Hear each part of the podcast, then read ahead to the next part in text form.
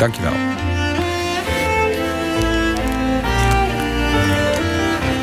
Het spoor terug. Ja, Jan Wolkers probeerde in 1966 een roman te schrijven tegen de achtergrond van de Amsterdamse hete zomer van 1966. De Hittegolf zou het boek gaan heten. Maar de roman kwam nooit af. Een paar hoofdstukjes werden wel bewaard en door zijn biograaf Onno Blom opgedoken in zijn omvangrijke archief.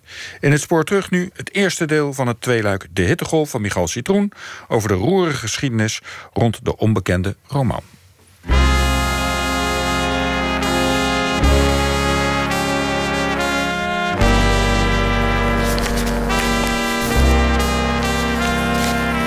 Al deze papieren lagen bij elkaar in een la in het archief op Texel in het woonhuis van Wolkers. En je moet je dat voorstellen als een soort, ja, als een soort veelkoppig monster. Er staat in één kamer er staan allemaal kasten opgestapeld tot het plafond. Met allemaal laadjes met opschriften erop die verwijzen naar uh, romans, verhalenbundels, uh, uh, dingen uit het leven van Wolkers. En een van die laadjes, helemaal bovenop, daarop stond de hittegolf.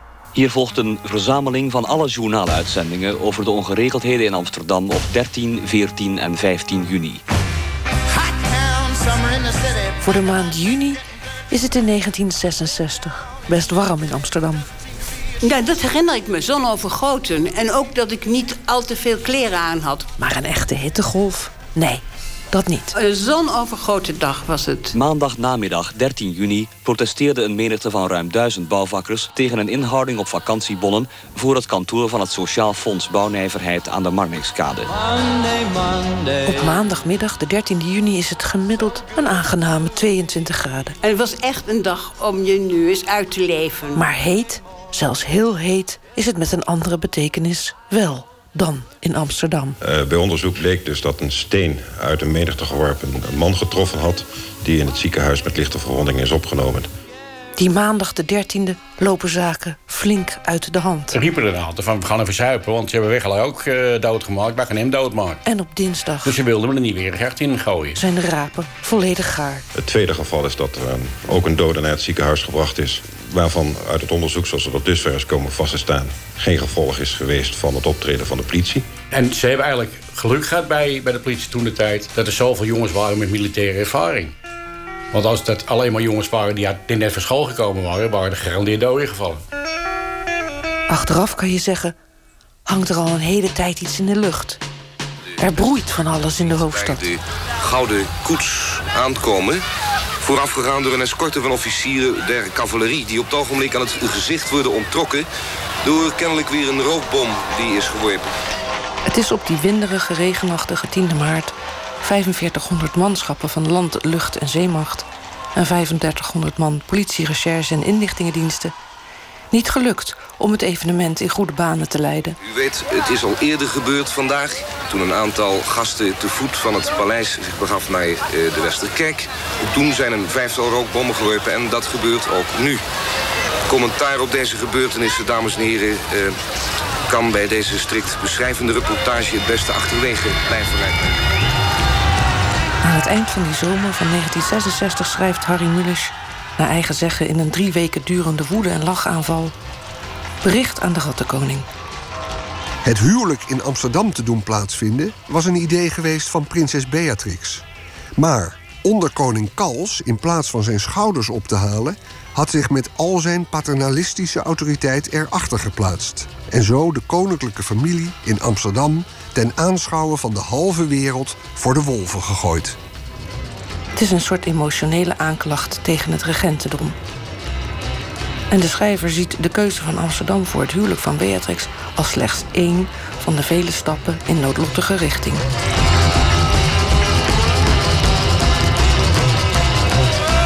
Maar wat is dan precies een happening? Een happening is elk gebeuren, elke gebeurtenis waarbij er een bepaalde doorstroom plaatsvindt. Waarbij je samenwerkt, waarbij je tot iets goeds komt. Een doorstroom waarvan? Een doorstroom van emoties, van gedachten.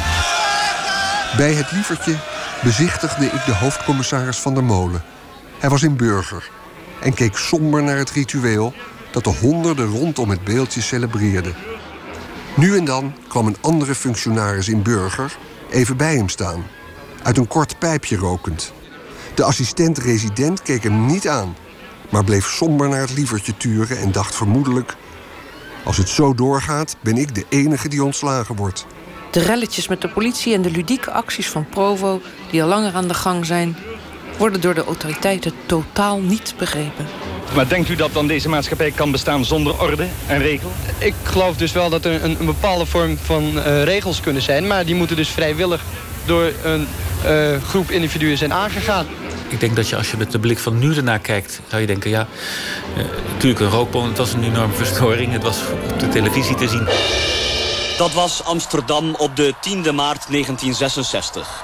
In die rookwolk verdween de traditie dat feesten rond ons koninklijk gezin een vriendelijk, gepast uitbundig en duidelijk oranje gekleurd karakter hadden. Ten tonele kwam een onvriendelijke trek die voorlopig geen andere kleur aannam dan grauw, rookgrauw. Als je naar het politieoptreden kijkt, zie je dat er ook bij de politie... Ja, men zich daar helemaal niet op ingesteld heeft en dat er ook een, echt een paniek uitbreekt. De politie heeft geen flauw idee hoe ze nog met deze omstandigheid om moet gaan. En dat er een soort ja, ongecoördineerde jacht ontstaat om proberen de daders te pakken. Politiehistoricus Guus Meershoek. Uh, wat ja, ook van de huidige politieoptreden zegt van het is bizar. In elk geval had de sympathie voor het jonge bruidspaar veruit de overhand. Die lange wapenstokken, dat is niet leuk. Karel Wasch moet tijdens het huwelijk van Beatrix thuis blijven van zijn vader. Mijn broer is met uh, Beatrix, uh, heeft hij uh, in een paar van die... Het was op de grachten, werd ook gevochten. Bij Spuien had men bloemenstallen uit elkaar getrokken. Gooiden mensen met bloempotten naar de politie. En die kreeg een paar klappen van de ME. Die had een grote stream op zijn rug. Het is toen zo gekeurd omdat het vanuit een soort star-idee... van hoe de, de hele plechtigheden politieel geregeld moesten worden... komt, gebeurt er iets wat het het, plan eigenlijk helemaal door, door, de war gooit. Men heeft niet een soort plan B of een, een, alternatief in een draaiboek. En dan ontstaat er paniek en gaan politiemensen natuurlijk gekke dingen doen. De hele verdere dag werd bepaald door herhaald en hard treffen tussen betogers en politie. Amsterdam kreeg van zijn burgemeester een nieuwe kwalificatie. Een lastige stad. Burgemeester Van Hal zegt het zelfs op televisie. Bij Mies Bouwman in de stoel. Dat hij niet goed meer weet wat hij moet doen. In onze stad is de jeugd, kan je zeggen, in opmars. Daar moeten we begrip voor hebben. En het is verschrikkelijk moeilijk om uit te vinden wat je daaraan doen moet. Dat is iets wat de politie niet kan, wat ik niet kan. Daar moeten een heleboel verstandige mensen over praten. En wij moeten proberen daar een oplossing voor te vinden, want dit gaat zo niet. Ik denk dat ze bij het huwelijk van Beatrix en Klaus... dat ze daar echt het gevoel hadden van... Uh, we verliezen de controle. En dat was, zeker voor de politie toen... maar dat is misschien algemeen het trekje van de politie... is er iets wat uh, uh, gewoon paniek of zorg uh, teweeg brengt. Maar wat ik maar stellen wou is dat nog de politie... nog enkele mensen zoals ik hier een oplossing voor kunnen vinden. Wie dan? Moeten, ja, daar zullen psychologen bij moeten komen. Volgens Dirk Wolthegger, de biograaf van Van Hal... zijn er heel wat psychologen die de burgemeester... allerlei hints, tips en aanwijzingen geven... voor de onmaatschappelijkheidsbestrijding, zoals dat dan heet. En ze adviseren hem ook wat zelfreflectie te hebben. Maar echte nou ja, wat ik dan erge ongelukken noem, dat is als er doden vallen. En als die opwinding zo doorgaat, dan kon dat wel eens gebeuren. Maar het is voor dovermans oren. Gijs van Hal houdt vast aan zijn formalistische koers. En hij mist de flexibiliteit mee te bewegen op de golven van de nieuwe tijd. En dus, zo schrijft ook zijn biograaf, kan de gezagscrisis zo niet lang meer duren. En is het maar wachten op het volgende incident. Wolkers was heel erg betrokken bij de politiek, altijd al geweest. Op 19 oktober promoveerde Onno Blom op zijn biografie over Jan Wolkers. Tien jaar duurde zijn intensieve onderzoek in het archief van de schrijver. Hij, werd aangeraakt door het communisme. Op de Beeldhouwersacademie waar hij zat... waren eigenlijk alle studenten ook uh, communistisch. Vanuit een, uh, ja, een geëngageerd beeld. Hè? Dus dat was je gewoon. Je, je, was voor die, voor die samenleving iedereen gelijk. En uh, zo, zo hoorde je dat te doen. In 1966 woont en werkt Jan Wolkers in Amsterdam. Hij leeft met zijn ruim 20 jaar jongere liefde Carina Gnerp De vrouw waar hij de rest van zijn leven mee deelt. Nu was het zo dat hij ook heel erg betrokken was bij de dingen die in de stad gebeurden. Wolkers woonde aan de Zomerdijkstraat in een atelierwoning. Uh, en ging geregeld de stad in. En in uh, maart 66 vond natuurlijk het, het, huwelijk tussen Beatrix en Klaus plaats. En uh, hij is die dag de stad ingegaan. En heeft toen gezien hoe de politie optrad tegen demonstranten, tegen mensen in de stad. En hij was er zo van ontdaan dat hij de novelleprijs die hij had gekregen voor Serpentina's Petticoat van de stad Amsterdam aan de stad heeft teruggestuurd. Het gezag was toen veel meer van zo moet het, luister naar ons, wij weten het en jullie niet. En Carina is dochter van de communistische Pieter, een van de organisatoren van de februaristaking in 1941, die werd gearresteerd en de oorlog overleefde in Duits gevangenschap.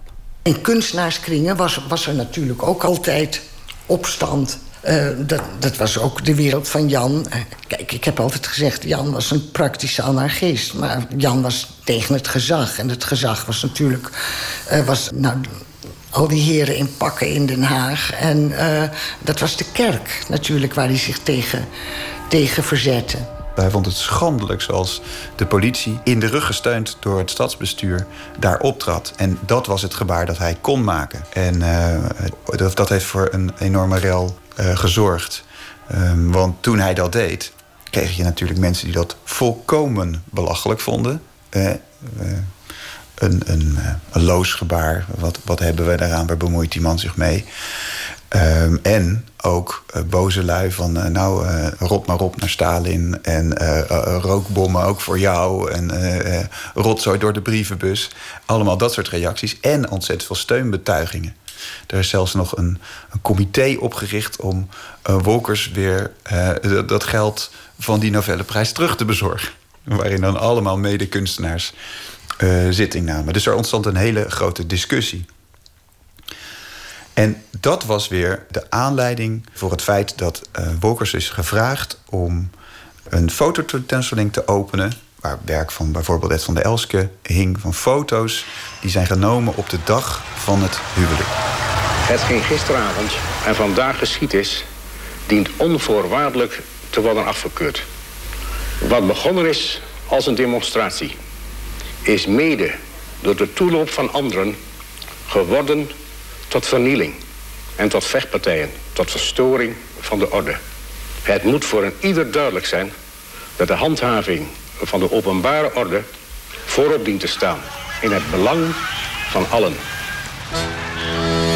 En daar zijn dus heel veel foto's gemaakt. En daar, dat was op 10 maart. En op 19 maart, als ik het goed heb, was er bij het kantoor van Polak van Gennep aan de Prinsengracht uh, was een fototentoonstelling en Jan is toen gevraagd om die te openen. Het provisorisch karakter van het huwelijk van de kroonprinses op de 10e maart... is aanleiding geweest tot het uitdelen van harde klappen naar links... en soms zelfs naar rechts. Daar heeft hij gesproken. Dat is, dat is geweldig, want hij, hij verwees in die toespraak naar het feit dat hij uh, literair zo vaak naar zijn vader verwees. Dat hij altijd te pas en te onpas met zijn vader op de proppen kwam. Volgens velen vaak te onpas. Maar ook nu zal weer blijken te pas. Want mijn vader is vlak na de Eerste Wereldoorlog agent van politie geweest in Amsterdam. Na enkele maanden had hij er schoon genoeg van. En uh, die was daarmee gestopt. En dat vertelde vader Wolkers altijd in het gezin. En dat is Jan goed in zijn oren geknoopt. Omdat, quote unquote, altijd de verkeerde de klappen krijgen. Omdat de verkeerden altijd de klappen krijgen. Hij uh, opende die tentoonstelling en hij sloot af met te zeggen... kijkt u allemaal uit, want u staat met uw rug naar de Amsterdamse politie. Voor ik deze tentoonstelling voor geopend verklaar... wil ik u ervoor waarschuwen dat u in gevaar verkeert. U staat met uw rug naar de Amsterdamse politie. En vervolgens brak er dus buiten voor de deur... waar honderden mensen stonden onder wie provo's, maar ook uh, Moelisch was daar uh, bijvoorbeeld aanwezig. Uh, brak er een rel uit omdat er een jongen zijn fiets wilde gaan halen en met de bullenpees er van langs kreeg. En daar ontstond een enorme, enorme chaos. Dus zo is hij daarin verzeild geraakt. Ik ben Bob Bermond, 22 jaar, student in de psychologie aan de gemeentelijke universiteit van Amsterdam. Ik liep door het publiek heen en begaf me naar de Utrechtse brug, omdat daar mijn fiets stond. Op de hoek van de Prinsengracht en de Utrechtse brug stond een agent. Ik dacht dat deze agent er stond om de menigte op de Prinsengracht te houden... zodat de Utrechtse straat vrij bleef voor het verkeer. Met fototentoonstelling is ook iets vergelijkbaars gebeurd omdat uh, ja, men helemaal geen zicht had op hoeveel mensen daar op de gracht uh, stonden. En uh, instructies is gaan geven met zo'n grote mensenmenigte die je, nooit zou moeten geven. Bovendien werden van twee kanten werden de demonstranten ingedrukt. Dus ja, dan geef je ook, je moet ze altijd, demonstranten, als je een geweldssituatie hebt, moet je ze altijd een soort uitweg bieden, zodat het, het vreedzaam kan aflopen. Maar in dit geval maak je het eigenlijk enkel maar erger. Dus dat is ook heel erg ongecoördineerd geweest en slecht geïnformeerd. Harry Mully schrijft in bericht aan de Rattenkoning dat hij de tentoonstelling wil bezoeken, maar niet naar binnen kan. En dan wacht hij maar om de hoek bij een studentensociëteit, waar op dat moment een film wordt gedraaid, ook over het politieoptreden. Tot op zekere hoogte was het een stomme film. Het merkwaardige verschijnsel deed zich namelijk voor dat op de film geen menselijk geluid weerklonk, terwijl wel de sirenes van de politieauto's waren opgenomen. Toen wij in de gaten kregen dat dat geluid van buiten kwam, waren wij gauw weer op de Prinsengracht, waar de voorstelling in natura werd voortgezet. Alleen nog een graadje gruwelijker. Eén ambulance stond er al. Ik liep gewoon rechtdoor, nam geen provocerende houding aan. Toen ik in de nabijheid van die agent kwam, begon hij zonder meer te slaan met een gummiknuppel op mijn hoofd. Ik uh, bleef stilstaan en vertelde hem nog dat ik geen rotzooi wilde schoppen, dat ik alleen maar mijn fiets wilde pakken. Hij gaf geen antwoord, maar sloeg gewoon door. Even later, terwijl ik nog steeds niets terugdeed, kwamen er drie andere agenten. Ze gingen in een kring om me heen staan en begonnen alle vier met een gummiknuppel op mijn hoofd te slaan. Pas toen uh, dacht ik eraan mijn hoofd te dekken en hief mijn armen boven mijn hoofd. Biograaf van Jan Wolkers, Onno Blom. Maar je ziet ook wel hoe volkomen onvoorbereid en in de war uh, de politie uh, was op het gedrag van, van vooral jonge mensen en kunstenaars en provo's. Hè. Er werd daar ook naar die, naar die opening van die tentoonstelling een kip meegenomen. Die kip die ging over de hoofden, zo door het open raam van de uitgeverij. En die heeft Wolkers uh, in zijn armen genomen en is er weer mee naar buiten gekomen.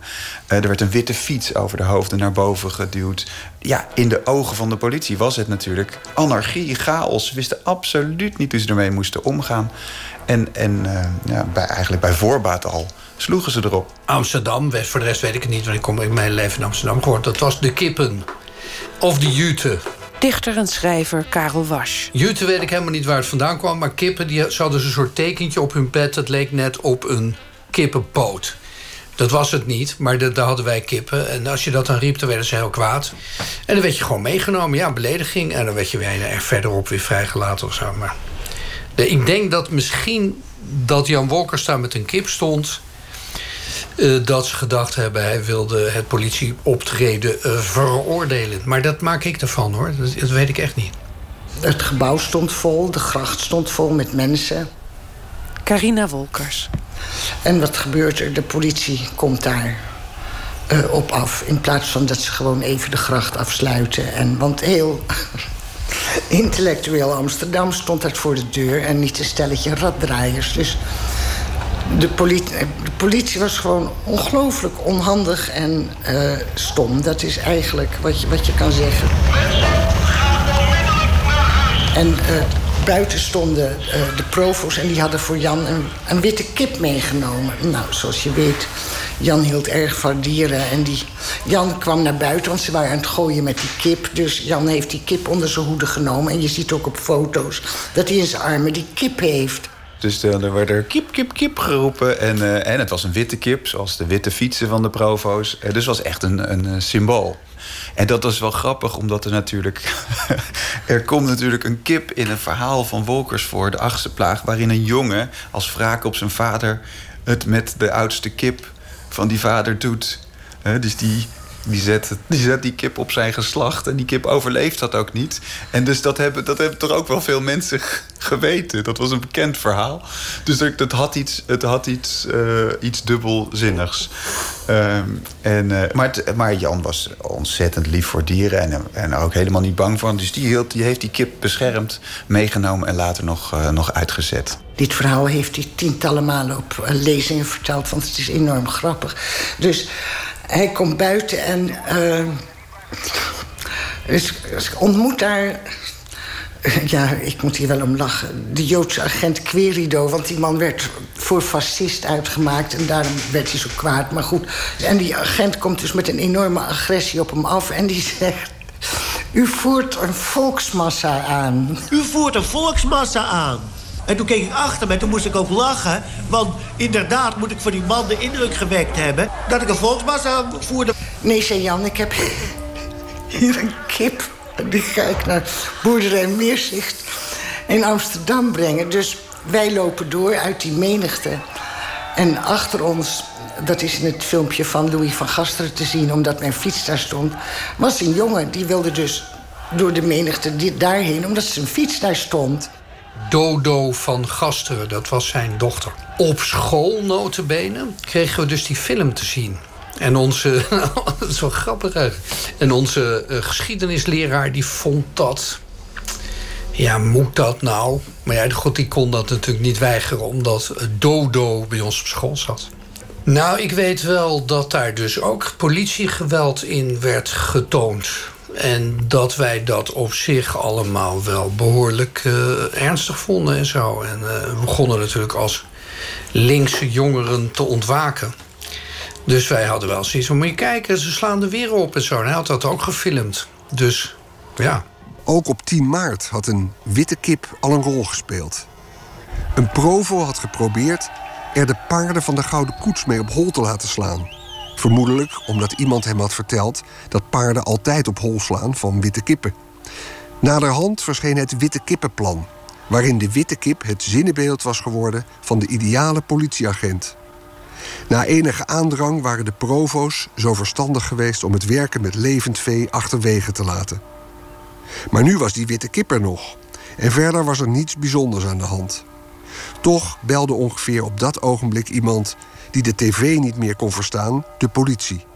Het hoofdbureau verklaarde later dat een omwonende telefonisch had gezegd dat er varkens op de Prinsengracht werden losgelaten.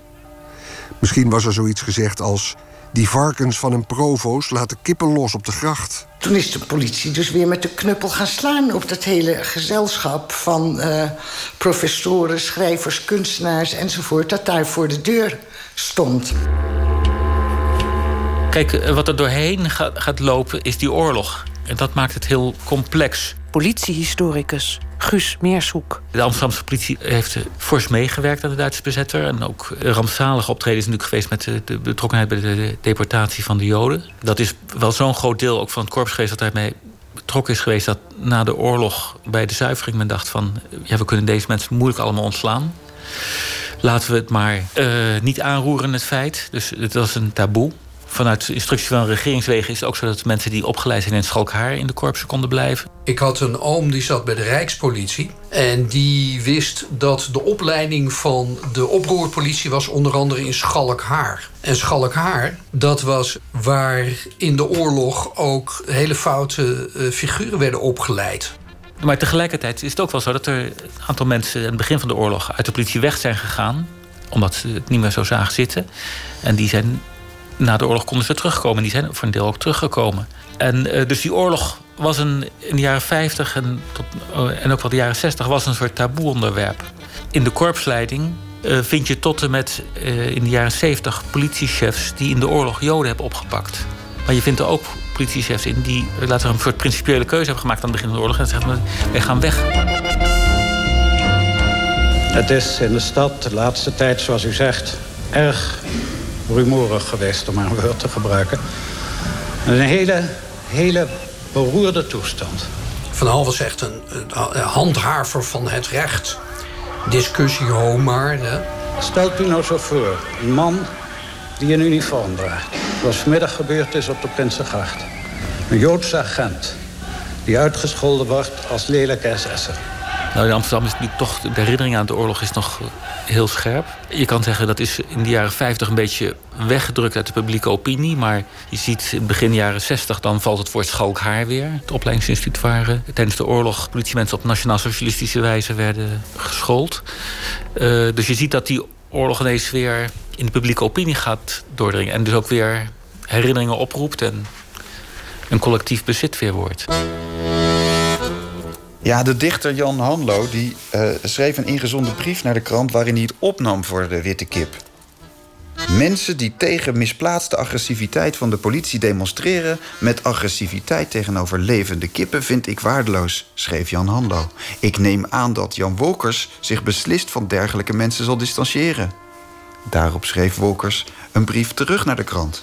Natuurlijk ben ik, zoals je al veronderstelt, tegen dat gesol met kippen, beste Jan Hanlo. Ik heb de jongens voorgesteld om in het vervolg symbolische kippen te gebruiken in de vorm van een met veren bestoken koolraap op stokjes. De mij aangeboden witte kip die Maria bleek te heten, heb ik veilig door dreigementen met de sabel en de zwiepende bullenpezen heen naar uh, boerderij Meerzicht kunnen loodsen. Toen ik haar tussen de aanwezige kippen wilde zetten, werd ze door die beestjes aangevallen, zodat ik haar in een stal heb moeten isoleren. Er was kennelijk geen plaats voor haar in de herberg. De kip is de kip, dus ook een wolf. Wat een wereld, Jan. Nou, als je natuurlijk in wat wijder historisch perspectief kijkt, is het zo dat uh, wij wel heel wat gevoeliger zijn geworden voor geweld dan dat men in het verleden was. Uh, de, bezetting, de Duitse bezetting is een apart verhaal. Maar als je bijvoorbeeld naar het Jordanenpoer kijkt... of nog wat verder terug rond de Eerste Wereldoorlog... heb je zeeliedenstakingen gehad. Toen gebruikte de politie ook heel fors geweld. En eigenlijk nog wel forser dan dat in de jaren zestig was. Er zijn ook geen doden gevallen... terwijl je dat bijvoorbeeld met het of met die zeeliedenstakingen wel het geval was. Maar ja, anderzijds, als we met onze huidige ogen naar kijken, is dat uh, erg voorspeld. En dat komt natuurlijk omdat de politie eigenlijk vanaf de jaren tachtig een hele andere manier heeft gekregen om grootschalige ordeverstoringen te, uh, te proberen te beheersen. Ik was hartstikke jong, maar ik had collega's die 17 jaar waren. Ja, dat waren de eerste collega's die, die meteen verscholen bij de politie kwamen. Dus die hadden helemaal geen ervaring. En die worden in zo'n situatie gebracht. Net dat geen dodelijke ongelukken gebeurd zijn, dat mag een wonder heten. Gelet op de, de opleiding die we gehad hadden daarvoor. Dat was echt, stelde echt helemaal niks voor. Het was echt om te huilen. Dat is nu ondenkbaar hoe dat toen was. En, en er waren ook maar heel weinig uh, bazen die daar know-how genoeg voor hadden om daar tegen op te treden. IJs van de Weert is 24 jaar en politieagent in Amsterdam in 1966. Bulletpeest, dat is een, uh, een lange, lange wapenstok. Dat is, een, dat is eigenlijk een geslachtsdeel van een stier wat gedroogd is. En er zit een leren, leren riem omheen. En daar kan je dan vrij aardig mee rammen. Maar ik, ik weet eigenlijk niet of wij in die tijd al bullenpezen hadden. Ja, ik weet niet of we dit allemaal hadden. Ik denk dat er nog een heleboel jongens met een, een enkele gummistok rond, rondliepen. En een karabijn dan.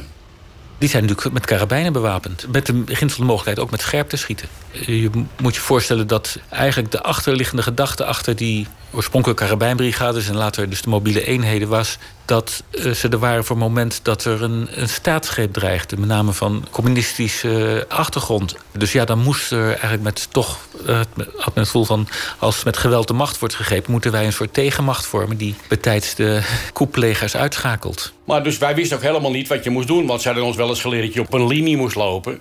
Maar wat er verder gebeuren moet, daar wist helemaal niemand wat van. Want uh, net hadden ze een, ons geleerd dat we een sabel moesten vastpakken... en hou links, hou rechts. Maar we hadden nog nooit een sabel in onze handen gehad. Dus het was allemaal ontzettend goed geregeld.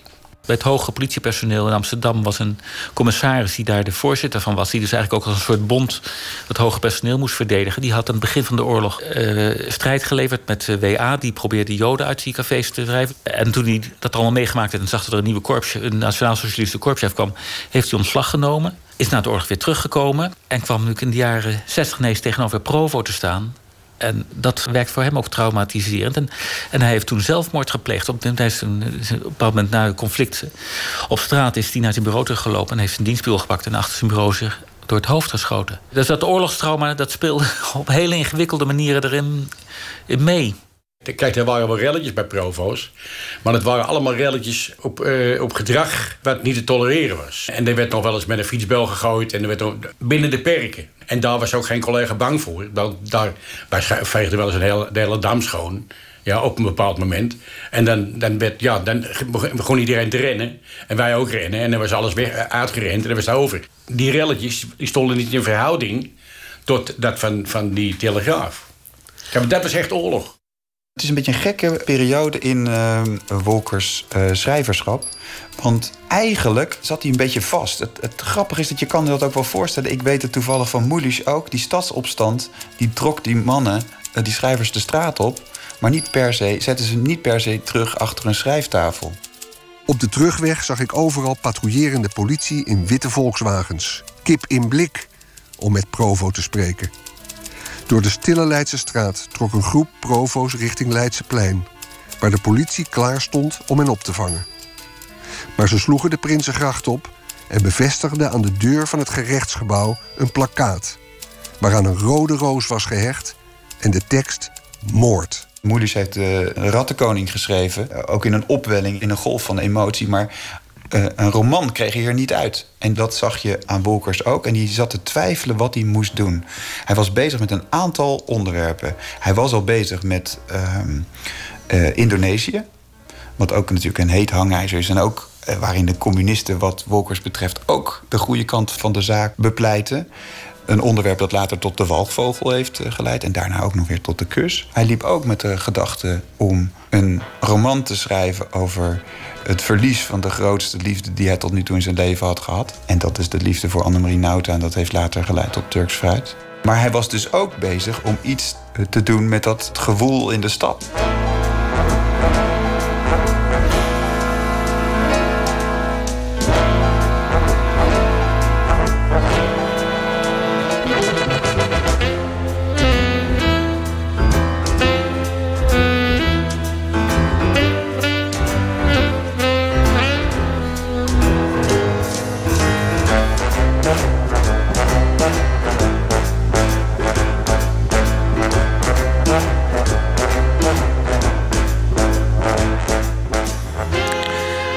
Dit was het eerste deel van De Hittegolf. Een programma van Michal Citroen, gemonteerd met Barry Kamer. Over een onafgemaakte roman van Jan Wolkers. Het had een liefdesgeschiedenis moeten worden... tegen de achtergrond van de Telegraaf of bouwvakkersrellen in Amsterdam in 1966. Volgende week het vervolg over Wolkers, de stadsopstand... en de aanval op de Telegraaf.